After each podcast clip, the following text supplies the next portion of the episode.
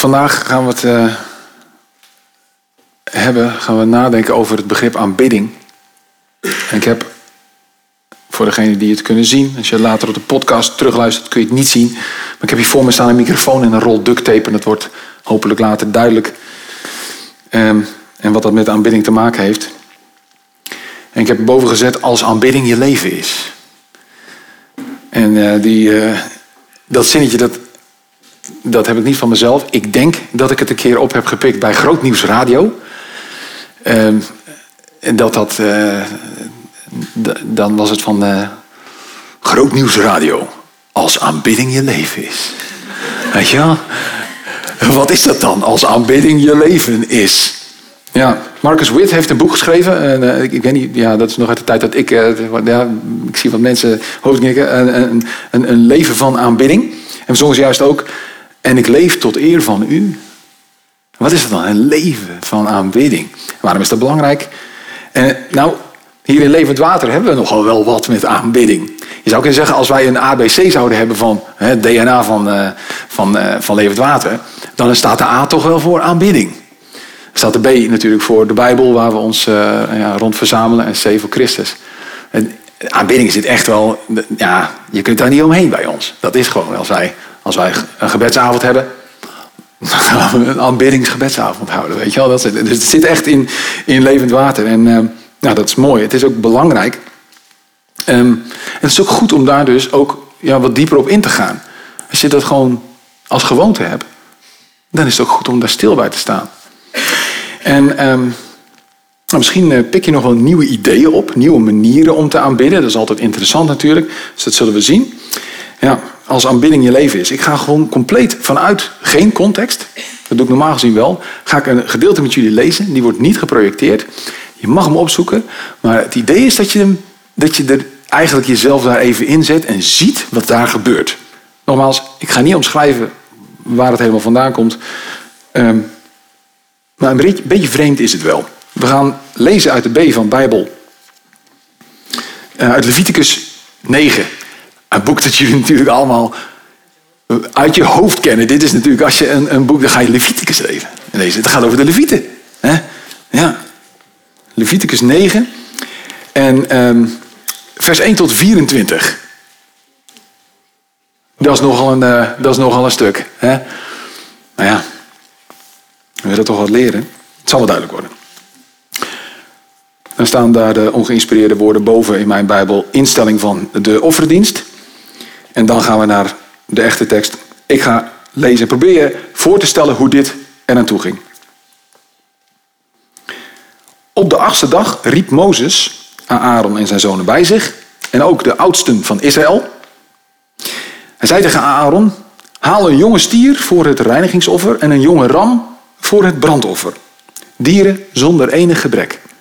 En breng ze naar de ontmoetingstent. Zeg tegen de Israëlieten, haal een bok voor het reinigingsoffer en voor het brandoffer een eenjarige stier en een eenjarige ram zonder enig gebrek. Haal een stier en een ram om ze als vredeoffer aan de Heer aan te bieden en ook een met olijfolie bereid graanoffer. Oké. Want vandaag verschijnt de Heer aan u. Ze deden wat Mozes bevolen had en brachten de offers naar de ontmoetingstent. Daarna stelde de hele gemeenschap zich voor de Heer op. De hele gemeenschap. En dan gaan er een aantal dingen gebeuren, maar je moet je bedenken dat jij daartussen staat en ziet wat daar gaat gebeuren. De hele gemeenschap. Mozes zei, dit is wat de Heer u opgedragen heeft om te doen, opdat zijn majesteit aan u zal verschijnen. Tegen Aaron zei Mozes, neem je plaats bij het altaar in en draag het reinigingsoffer en het brandoffer op om voor jezelf en het volk verzoening te bewerken.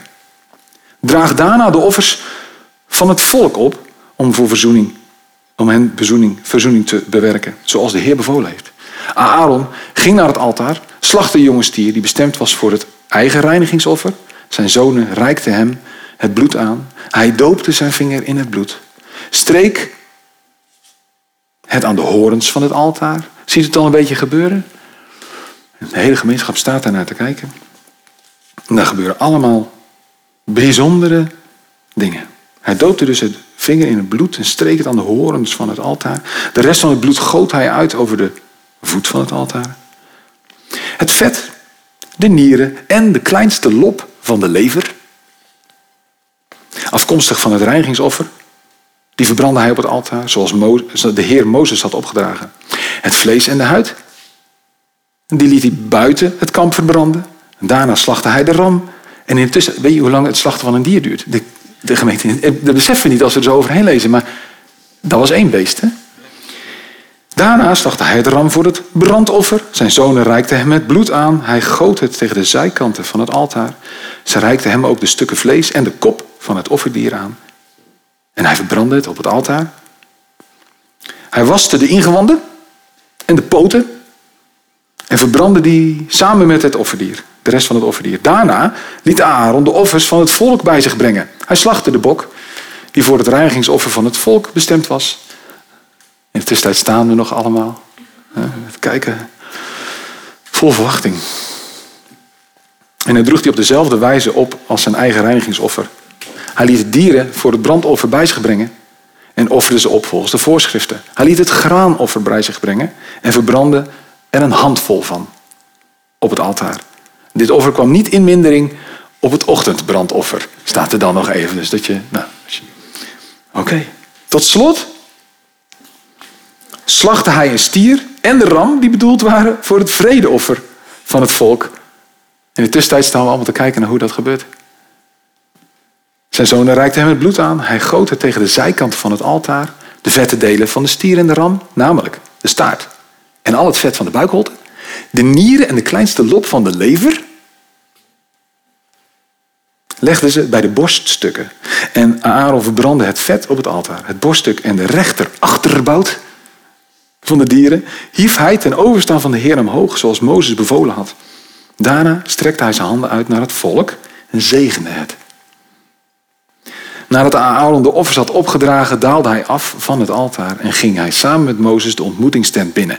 Toen ze weer naar buiten kwamen, zegenden ze het volk. Daarop verscheen de majesteit van de Heer aan heel het volk. Een felle vlam kwam uit het heiligdom en verteerde het brandoffer en het vet op het altaar. En toen het volk dat zag, begonnen ze te jubelen. En iedereen wierp zich ter aarde neer. In onze tijd is dit vrij ongebruikelijk. Moet je voorstellen dat wij als levend water dit zouden doen. Nou, we kregen natuurlijk hele social media over ons heen, over het mensen laten kijken naar het slachten van dieren. En dan valt er heel, heel, heel veel te zeggen over de achterliggende gedachte van het bloed dat langs dat hout waar dat altaar zo van gemaakt was, de grond raakt. Er is een keer een preek over geweest. Ja, ik weet even niet meer wie dit was, maar er, er valt zoveel te zeggen over de symboliek die daar uh, ja, plaatsvond. Maar het gaat er mij even over dat voor de Levieten, degene uit de stam van Levi, de priesters, de zonen van Aaron, was hun leven stond eigenlijk wel in teken van gebed, aanbidding. En daar gebeurde nog wel eens wat vreemde praktijken. Nou, stel dat je nog nooit in onze gemeente bent gekomen, dan zie je ook wel vreemde praktijken. Het is nog net niet zeg maar de kleinste lop van de lever scheiden van het vet en de poten. En de... Maar ja, dan vragen ze wel eens, oh, oh, wat voor kerk ga je dan? Oh, daar. Oh, is dat zo'n happy clappy kerk? Of, uh, en dan doen ze ook handen in de lucht en zo. Dat is net zo vreemd als uh, ja, het verbranden van een dier. En dat moet al lekker ruiken. Een welriekende reuk. Nou goed, sommige mensen vinden dat natuurlijk de beste reuk die er is, hè, de barbecue. Maar uh, anderen vinden dat uh, storend. Maar vreemd is het wel. En zo doen we dat hier niet. Nee. Als we aanbidden, dan bidden we gewoon stil. Meestal in de dienst dan handen gevouwen. We zingen staande. En als je dat niet doet, dan word je erop aangesproken. Door je vader. Als die naast je zit. Nee hoor. Vandaag, vandaag expres niet gedaan. Maar dat zijn gewoonten om te aanbidden. En ehm, nou ja, dat betekent dat uh, nou, als je met de handen in de lucht staat, hè, dat, is, ja, dat, is, dat is, hier is dat uh, gewoon, maar ergens anders is dat weer misschien weer vreemd. Je kunt ook thuis aanbidden natuurlijk. En uh, doe je dat misschien ook op die manier. Heel af en toe, dan is er ook ruimte. Nee, er is altijd ruimte, maar dan uh, we, we hebben vlaggen nu achterin hangen, die, uh, die worden gezwaaid. We hebben ze hier. Er kan gedanst worden. Maar 9 van de 10 keer is het gebed. Is het zingen staand. En dat is hoe we de dingen doen. Stel nou dat je niet van zingen houdt en je bidt nooit hardop. Nou, dan moet je wel een stille aanbidder zijn. Want ja, welke ruimte is er dan voor je? En ik wou vandaag eigenlijk als, alsof je een, een ja, zo'n kluwe, misschien heb je dat zelf thuis ook al, zo'n bakje ergens in een kastje, met zo'n kluwe aan adapters en opladers. En, en, wie heeft dat? Zo'n, ja, je hebt allemaal van die life hacks voor, dan kun je dat eh, makkelijk ordenen en zo. Bij ons hebben we altijd één kluwe. En, en, en eh, wat je, één ding wat je niet moet doen dan, is aan één draadje gaan trekken. Dus je denkt, dat is mijn oplader, en dan krijg je gewoon één grote knoop. En, uh, en, en dan wordt het alleen maar erger, ze gaan kapot. En eigenlijk wil ik dat vanochtend ook doen op het gebied van aanbidding. Dat we niet aan één kant van, de, van het draadje gaan trekken, maar dat we eigenlijk het een beetje ontwaren. Aan alle kanten eraan gaan trekken. En dan zul je erachter komen dat er eigenlijk veel meer kabeltjes in zitten. En het ook veel bruikbaarder is. En eh, misschien beter bij je aansluit. Ja. Maar voordat we daarmee verder gaan, toch wel even een, um, nou, wel echt een serieuze noot. En dit is echt iets wat je, dat moet je beseffen. Um, als het over aanbidding gaat, aanbidding is aanbidding naar God. Het is niet aanbidding naar jou zelf toe. En dan moeten we ja, steeds eigenlijk wel uh, ja, dat echt beseffen dat het naar God toe is. Um, ik denk dat het in het boek was van um, uh, Rick Warren, uh, 40 doelgerichte dagen, dat hij een, een, een voorbeeld ja, vertelt van een, iemand. Hij zag een keer iemand uit een, een, een soort praise-dienst komen, een keer s'avonds. En die liep zo die zaal uit. En de een die vroeg de ander van, en vond je ervan? En hij zegt, ja, ja, ik weet niet, ik vond niet, ja. Ik had er niet zoveel aan of zo. Ik, ik, vond, ja, een beetje meh. En dat Rick Warren daar zegt van, weet je, het, het was niet voor jou bedoeld. He? Dus het gaat om God, het gaat niet om jou. En dat is.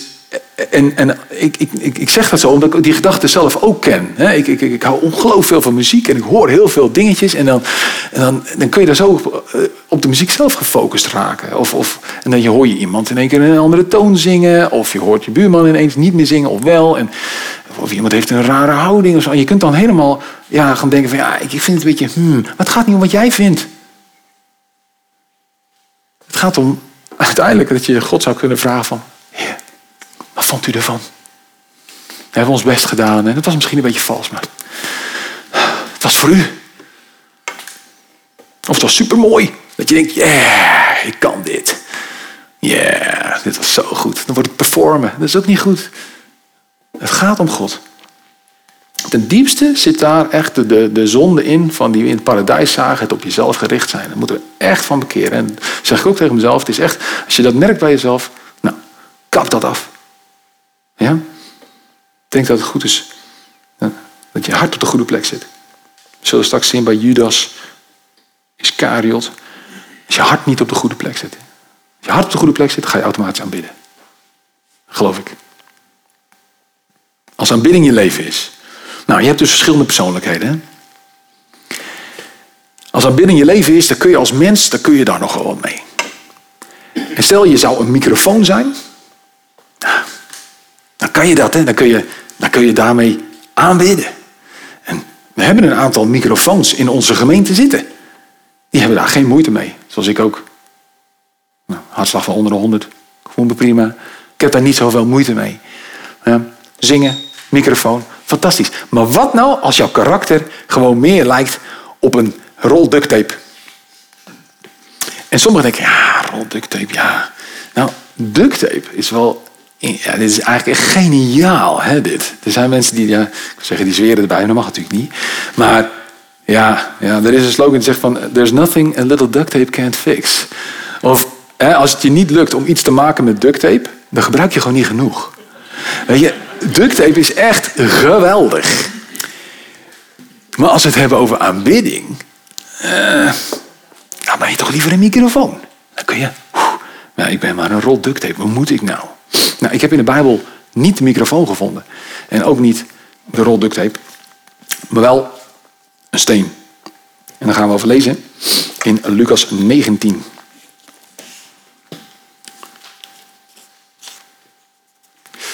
Lucas 19. Daar gaat het ook over aanbidden. We lezen een kort stukje. Lucas 19, vers 36 tot en met 40. We krijgen een intocht. En bij een intocht, zoals bij ons bij Sinterklaas, of als de koning langs zou komen, dan ga je dan voorbereiden. Je gaat iets moois van maken. Nou, dan zie je van alles. Zie je ook die vlaggen. Hè? Dan zie je dansjes. En dan, zie je, dan, weten, dan weten de Nederlanders in één keer wel te aanbidden. Nou, er komt een intocht. Jezus die maakt zich klaar en, um, om Jeruzalem binnen te gaan. Vanaf vers 36. Onderweg spreiden de leerlingen hun mantels voor hem op de weg uit. Nou, dat is dus al één vorm van aanbidding die je zou kunnen doen. Gewoon je jas op de weg leggen voor iemand. Nou ja, als iemand over jouw jas mag lopen. Vorm van aanbidding. Dus misschien zien we dat nog wel gebeuren een keer hier. Ja, kan toch? Toen hij op het punt stond de olijfberg af te dalen, begon de hele groep leerlingen vol vreugde en met luide stem God te prijzen om alle wonderdaden die ze hadden gezien. Ze riepen, gezegend hij die komt in de, als koning in naam van de Heer. Vrede in de hemel en de eer aan de Allerhoogste. Enkele fariseeën in de menigte zeiden tegen Jezus, meester, berisp uw leerlingen. Maar hij zei, ik zeg u, als zij zouden zwijgen, dan zouden de stenen het uitschreeuwen. Nee, je zou maar zo'n steen zijn geweest. En uh, leven lang ja, laat je over je lopen. Je bent eigenlijk een beetje hard. Ja, je bent wel dienstbaar. Dat wel. En dan hoor je Jezus dit zeggen. En dan denk je, nu komt het. Nu kan ik God gaan aanbidden. Ik mag het zo meteen, staat hier, hè, staat in de Bijbel. Ik mag het zo meteen gaan uitschreeuwen. Nou hoop ik dat die mensen dus zo meteen niks meer gaan zeggen. Want dan mag ik als steen eindelijk het uitschreeuwen. Gezegend is hij die komt in de naam van de Heer. Nou, misschien is het wel goed dat dat niet is gebeurd. Zodat de mensen Jezus de eer gaven die hem toekwam. En het zou misschien ook een beetje lelijk hebben geklonken. Ja, ik weet niet of je ooit een steen heeft horen zingen. Nou, dat lijkt me niet echt heel fijn klinken. Beetje de Rolling Stones. Dat is. Nou, sorry, ik moest het even zeggen. Er zijn meer stenen. Maar ja, ik, ik denk dat het goed is dat dit niet gebeurd is. Het was namelijk helemaal niet in die steen om zichzelf te geven als zangleider. Maar wel om de weg te bereiden voor iemand die op de rug van een ezel ging. En dan word je misschien even bedekt door zo'n jas die neer wordt gelegd. Maar je, hebt, je stelt jezelf dienstbaar op. En dat is eigenlijk wat we vandaag ook moeten leren. Er zijn meerdere vormen van aanbidding. Ja. Echte aanbidding komt uit het hart. En dan dan komt dat naar buiten. Wat nou als je denkt dat aanbidding eigenlijk gewoon niet zo bij je past? Gewoon ja, ik zit gewoon zo niet in elkaar. Ik heb gewoon zo'n karakter niet. Mijn werk, mijn werk wat ik doe, ja, is niet echt aanbidding. Kijk, die duct tape, die is, dat weet ik, die kan dingen maken, maar wisten jullie dat dit ook echt een perfecte sinaasappelhouder is. Geloof me, het past echt precies. En die kun je dan zo neerzetten in je keuken. En dan doe je die sinaasappel erin. En dan denk je, ja, het is alsof het ervoor gemaakt is. En toch komt die rol tape niet tot zijn recht. We gaan naar Romeinen 12. En er zijn een paar teksten die je eigenlijk uit je hoofd zou moeten leren. Eh, als levend water moet je natuurlijk het gesprek bij de bron hè, met, eh, met, die vrouw, die moet je kennen. Maar deze ook, Romeinen 12 en dan vers 1 en 2. En ja, wie je schoen past, die trekken hem aan. Ik zou zeggen, als dit over jou gaat. Paulus zegt daar aan de gemeente in, uh, in Rome, in Daar leren wij ook van. Broeders en zusters, met een beroep op Gods barmhartigheid vraag ik u om uzelf als levend, heilig en God welgevallig offer in zijn dienst te stellen. Dat is de ware eredienst die van u wordt gevraagd. U moet uzelf niet aanpassen aan deze wereld, maar u veranderen door uw gezindheid te vernieuwen. Om zo te ontdekken wat God wil en wat goed is, volmaakt en hem welgevallig. Oftewel, wat God fijn vindt. Zo belangrijk om dit te snappen als jij een leven van aanbidding wil hebben. Dat heel je leven bestaat niet alleen maar qua aanbidding uit het zingen. Of in stilte bidden. Een levend, heilig en God welgevallig offer. Nou, we hebben zojuist gelezen over hoe dat bij Aaron ging. Maar hier staat dat je je leven, we hebben het vandaag als thema ongeveer uitgezongen, je leven over te geven. En dan is dat God welgevallig. Dat is de ware eredienst die van u gevraagd wordt. Het is dus jezelf in dienst stellen van God. Nou, dat kan op heel veel manieren. En dan kun je maar beter niet die rol duct tape onder een uh, sinaasappel bewaren. Maar die zit in je gereedschapkist. Ik was op vakantie geweest laatst. Dan pak ik een klein kistje in. En daar zit dan een bako in. Dat is een handig ding. Daar kun je altijd lekker bijstellen. Daar zit WD-40 olie in. Want dat is nou, wonderolie. Ja, dat werkt gewoon altijd. Ja. Kan ik ook keer een preek over houden. Over olie. En, maar er gaat sowieso een rol duct mee. En hoe belangrijk is het ook voor het functioneren van het lichaam van de gemeente dat wij rol tapes in onze gemeente hebben, als je begrijpt wat ik bedoel.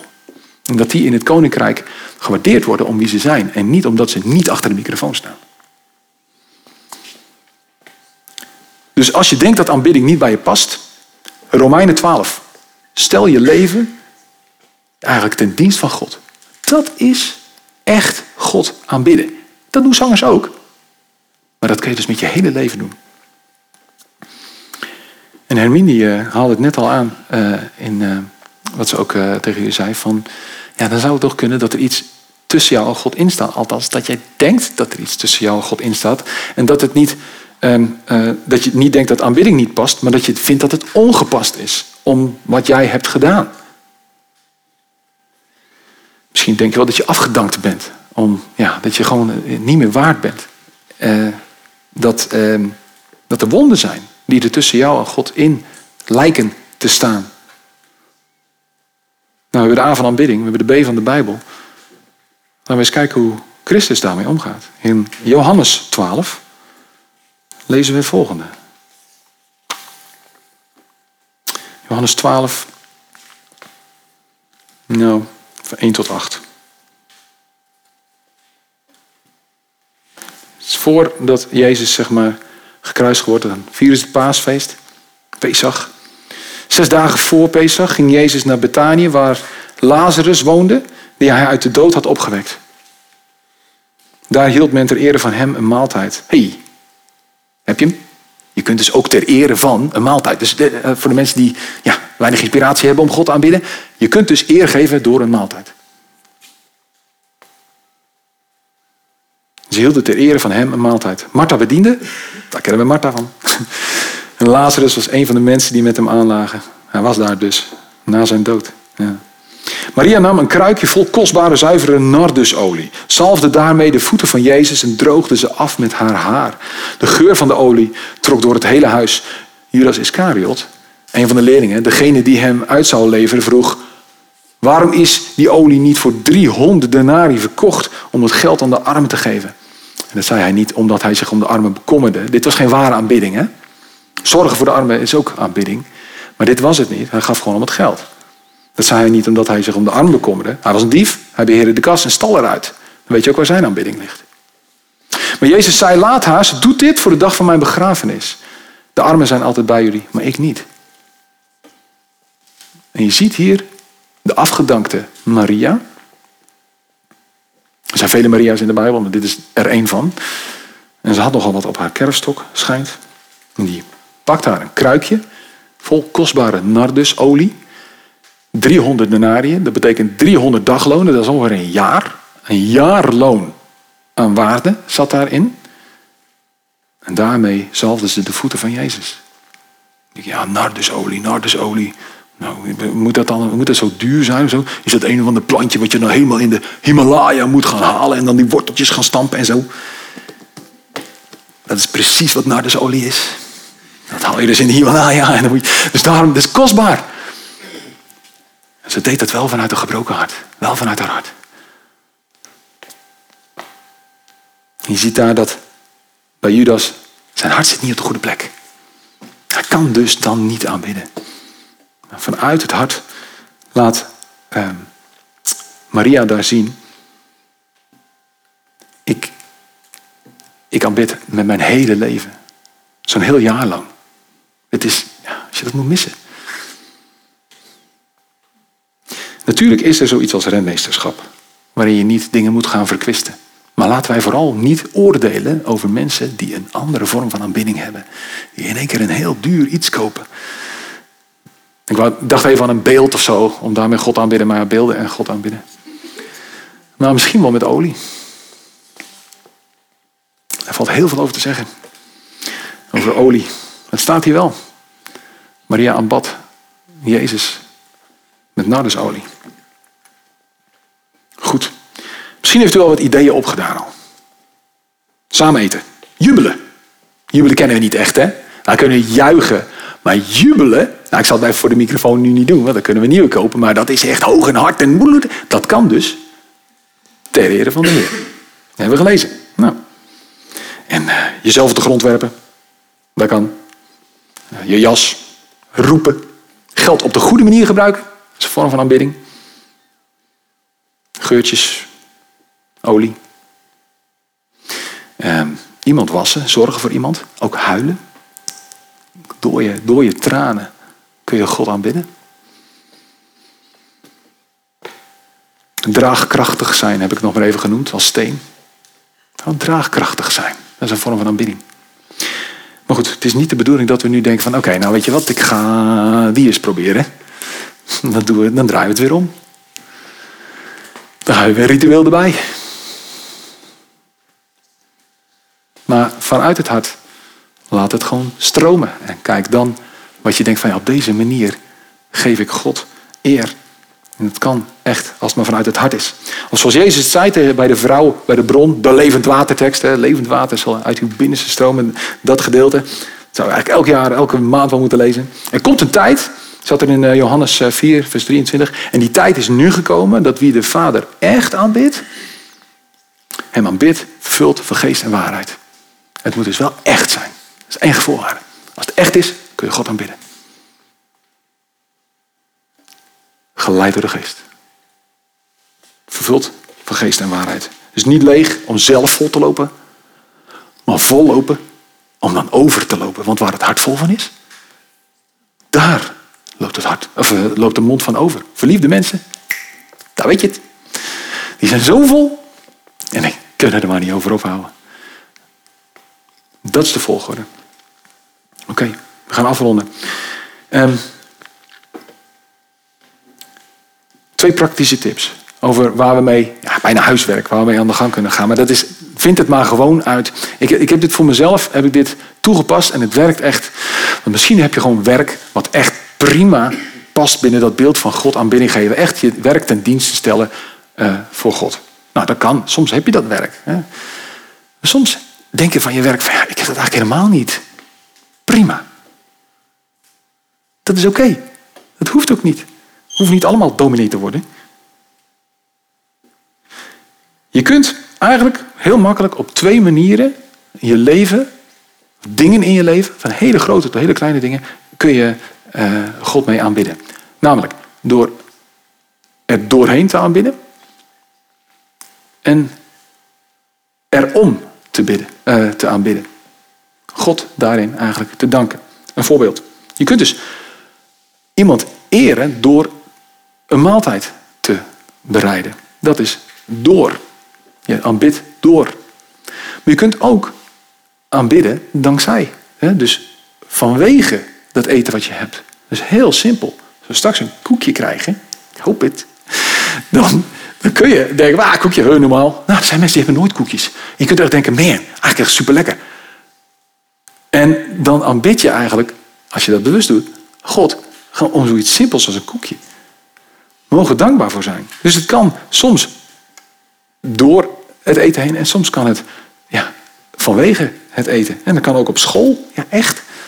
Je kunt gewoon op school, je kunt God aanbidden door je scholing heen, door jezelf te ontwikkelen en uh, uh, meer te worden wat God al in je heeft gelegd. Jezelf te ontwikkelen. Dat is eigenlijk, als je dat bewust doet om God te aanbidden, dan kun je door je school heen God aanbidden. Maar je kunt ook God aanbidden om school, dat je dankbaar bent vanwege dat je naar school mag.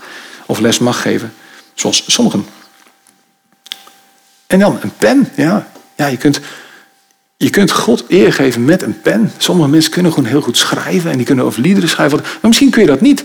Dan kun je wel dankbaar zijn vanwege je, dat je kan schrijven. Het kan echt in hele kleine dingen. Dus maak het niet te groot. Dat mag wel. God aanbidden met je hele leven. Als aanbidding je leven is, dan zit dat in de grote dingen. Maar dan zit het ook echt in de kleine dingen. Daar ligt echt een sleutel voor het dagelijks God aanbidden. Oké. Resumerend, oftewel, waar hebben we het over gehad? Het is niet voor jou. Moeten we echt in ons hoofd opsluiten. Het is voor God. Dat is het.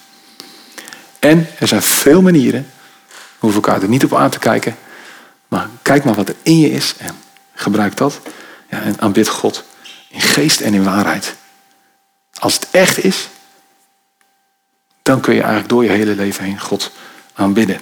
Nou, het is vooral aan ieder om daar zelf mee aan de gang te gaan. En uh, nou, ik, uh, ik, kijk eigenlijk wel uit naar wat vreemde momenten. Gewoon, uh, ja, dat er ja, dan misschien een keer iets gebeurt dat je eerst denkt van, oh, waar, waar, oh wacht. Aanbidding met heel je leven. Als aanbidding je leven is. Tot zover.